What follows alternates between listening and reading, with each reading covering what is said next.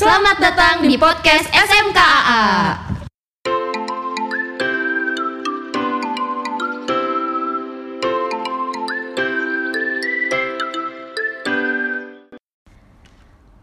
Halo sahabat, selamat datang di podcast Sahabat Museum Konferensi Asia Afrika.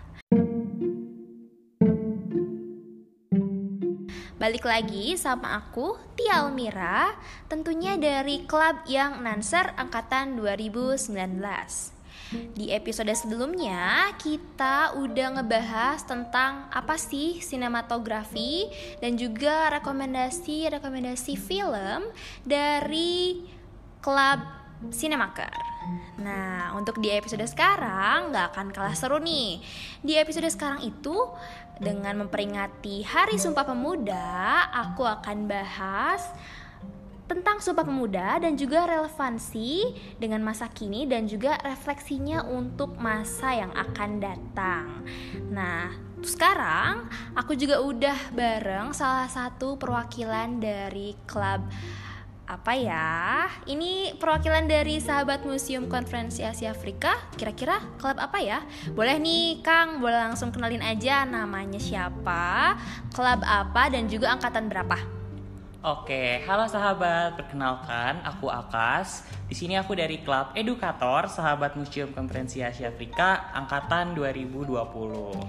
Wah, dari klub edukator. Oke, Kang. Nih, sekarang aku bakal uh, membahas Sumpah Pemuda bareng Kang Akas ya. Iya. Oke. Tapi sebelum itu aku pengen tanya-tanya dulu nih tentang klub edukatornya. Boleh nih Kang ya dijelasin dulu. Boleh dong. Apa sih klub edukator itu? Oke, jadi klub edukator sendiri itu tentunya sesuai dengan namanya, edukator. Di sini kita mengedukasi masyarakat mengenai apa sih gitu nilai-nilai konferensi Asia Afrika. Karena kan kita sendiri nih ada di sahabat Museum Konferensi Asia Afrika, tentunya pasti kita membahas nilai-nilai yang ada di konferensi Asia Afrika gitu. Oke, membahas tentang nilai-nilai konferensi Asia Afrika ya, Kang ya? Ya, betul, Teh. Oke. Untuk klub edukator ini kapan ya Kang mulai berdirinya? Oke, klub edukator sendiri ini berdiri sekitar tahun 2012. Sebelumnya namanya PEC, Public Educator Corps. Terus pada 2016 berganti namanya jadi klub edukator sampai sekarang. Oke, kenapa tuh Kang diganti Kang? Uh, sebenarnya artinya sama aja. Sama aja. Public Educator Corps sama klub edukator biar sama kayak klub-klub yang lain juga Oh, ada iya. klub apa klub apa gitu. Oke. Terus eh, aku pengen tanya dulu nih, kegiatan di klub edukator itu ngapain aja sih Kang? Oke, kalau untuk saat ini dulu mungkin ya Teh Ya. ya. Saat ini itu kita lagi ada kelas-kelas untuk latihan memandu nih Teh. Nah, karena sesuai yang tadi udah aku jelasin di awal ya Teh, karena kita tujuannya itu untuk memberikan nilai-nilai KAA nih kepada masyarakat. Tentunya dengan cara ini juga kita eh, sambil memandu, memandu mus- di Museum Konferensi Asia Afrika tentunya. Oke, selain kelas nih Kang, kira-kira ada lagi nggak kegiatan dari klub edukator? Oke, tentunya ada nih Teh. Jadi kita juga ada satu acara yang memang dari tahun ke tahun itu eh, terus kita lakuin gitu. Nah, namanya BHSG atau Bandung Historical Study Games gitu. Itu eh, acara besarnya lah gitu istilahnya. Terus ada beberapa kegiatan lain kayak seperti tur kawasan, terus ada bermain bersama klub edukator. Pokoknya banyak deh. Banyak ya kegiatan-kegiatan seru ya di klub edukator. Oke, aku mau nanya juga nih, Kang, kenapa sih Akang ini memilih edukator sebagai klub yang Akang ikuti di SMKA? Oke, jadi aku pertama kali masuk di klub eh, edukator di SMKA lah.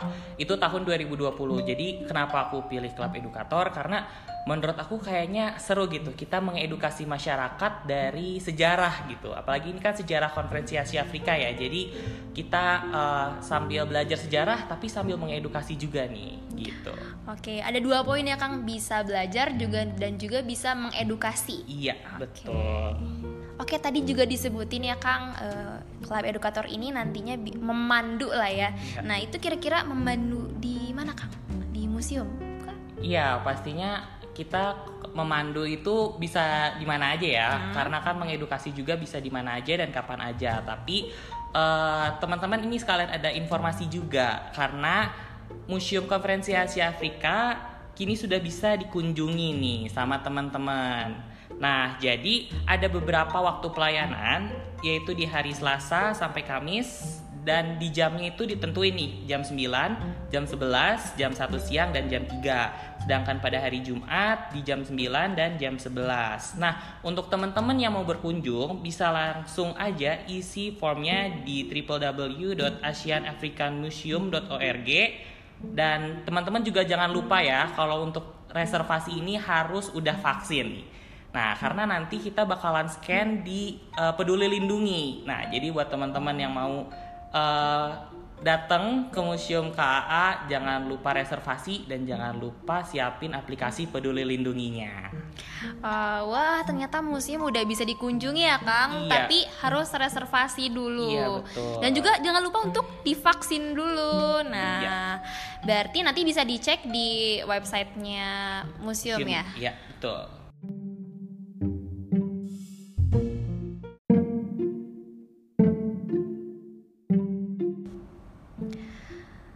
Oke, seperti yang udah aku sebutin tadi di awal, eh, dengan memperingati Hari Sumpah Pemuda, aku akan ngobrol-ngobrol juga nih bareng Kang Akas tentang Sumpah Pemuda. Eh, boleh nih Kang, menurut Akang, apa sih makna Sumpah Pemuda itu? Oke, kalau menurut aku Sumpah Pemuda itu eh, kayak maknanya itu jadi pemuda-pemuda itu walaupun Sumpah Pemuda itu kan dilaksanakan 28 Oktober 1928. Nah, meskipun dilakukannya udah dahulu kala, tentunya semangat Sumpah Pemuda ini jangan hilang gitu di pemuda-pemuda apalagi masa-masa kita ini teh. Iya gitu. benar ya, kita sebagai pemuda nih ya. Iya, tentunya kita harus memaknai Sumpah Pemuda ini dengan rasa cinta tanah air nih, asik. Oke, nih gimana sih eh, caranya nih menjaga semangat Sumpah Pemuda itu kan dari sebenarnya udah yang lama ya, Ya. udah dari tahun-tahun sebelumnya Mm-mm, gitu ya.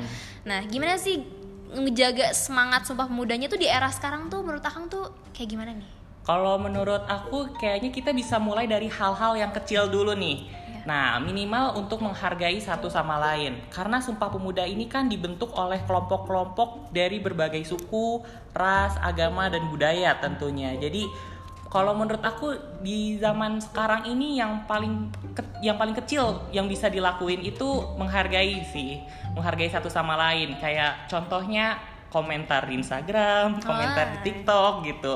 Ya kan, jangan menyinggung yang namanya sara gitu. Jangan menyinggung suku, ras dan agama gitu sih. Jadi kayak kita bisa lebih menghargai ya Kang ya. Iya, karena kan kita. kadang ada ya orang yang komentarnya tuh suka eh, menyinggung lah gitu, walaupun tidak terkesan seperti menyinggung tapi sarkas lah gitu. Iya, iya. Banyak kan sama eh, zaman sekarang gitu. Jadi itu sih yang harus eh, kita lakuin lah gitu hal yang sepele gitu sekaligus juga untuk memaknai sumpah pemuda Iya betul banget nih kita harus menghargai ya mau eh, apa pun apa ya maksudnya dari kalau ada sesuatu tuh coba kita lihat dulu ya Kang ya jangan Iya. asal langsung komen gimana gimana apalagi di media sosial ya Kang ya Iya. jejaknya juga wah je- jejak digital tuh membahayakan nih Iya. Soalnya zaman sekarang jari lebih panas ya dari Iya, mulut. lebih jahat daripada mulut Iya. Oke, selanjutnya nih Kang, Eh, ada nggak sih tokoh Sumpah Pemuda yang menginspirasi Kang Akas? Kalau tokoh Sumpah Pemuda, kalau bagi aku ya mm, Muhammad Yamin. Kenapa tuh Kang? Boleh diceritain? Sebenarnya eh, yang aku tahu Muhammad Yamin ini, ini kita sekalian singgung dengan konferensi Asia Afrika ya. Iya. Muhammad Yamin ini juga merupakan eh, komite kebudayaan di sidang tertutup konferensi Asia Afrika. Jadi menurut aku perjuangannya dia dari Sumpah Pemuda gitu ya di tahun 1928 dan juga di konferensi Asia Afrika di tahun 1955 itu sekitar 20-30 tahun itu kan bukan waktu yang eh, sebentar itu kan waktu yang lama gitu tapi semangatnya itu masih terus ada gitu dari tahun 1928, 1955 gitu. Itu sih teh kalau dari aku.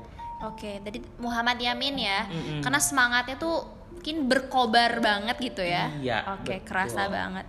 Nih, selanjutnya juga nih eh, apa sih refleksi dari Sumpah Pemuda eh, untuk masa yang akan datang nih menurut Akang?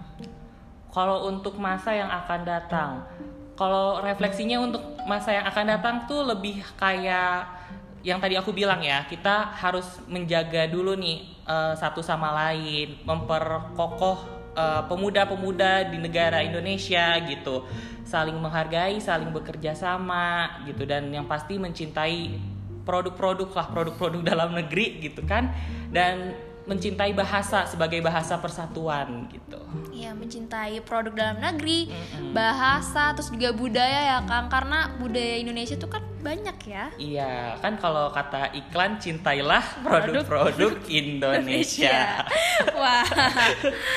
Oke, kira-kira eh, ada yang mau Akang sampaikan gak sih kepada sahabat tentang Sumpah Pemuda ini atau pesan-pesannya buat sahabat? Oke, mungkin pesan-pesannya sekaligus menyimpulkan perbincangan kita tadi ya, Teh. Ya. Yang pasti teman-teman jangan lupa untuk selalu menghargai satu sama lain, mencintai sesama dan tidak menyinggung suku, agama dan ras dalam hal apa pun, termasuk dalam hal pembicaraan, dalam eh, hal bekerja sama, berteman dan sebagainya lah gitu.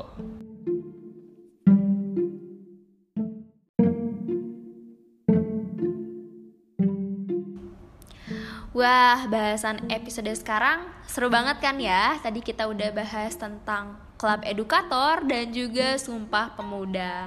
Terima kasih nih Kang Akas ya, udah mau ngobrol-ngobrol di podcastnya sahabat Museum Konferensi Asia Afrika. Oke, untuk sahabat, jangan lupa ya untuk terus dengerin podcast sahabat Museum Konferensi Asia Afrika dan juga di follow ya Spotify-nya untuk episode-episode seru lainnya. Aku Tia Almira dan juga Aku Akas. pamit undur diri. Bung Karno pernah berkata, berikan aku seribu orang tua, niscaya akan kucabut Semeru dari akarnya. Berikan aku satu pemuda, niscaya akan kuguncangkan dunia. Selamat Hari Sumpah Pemuda. Salam museum di hatiku.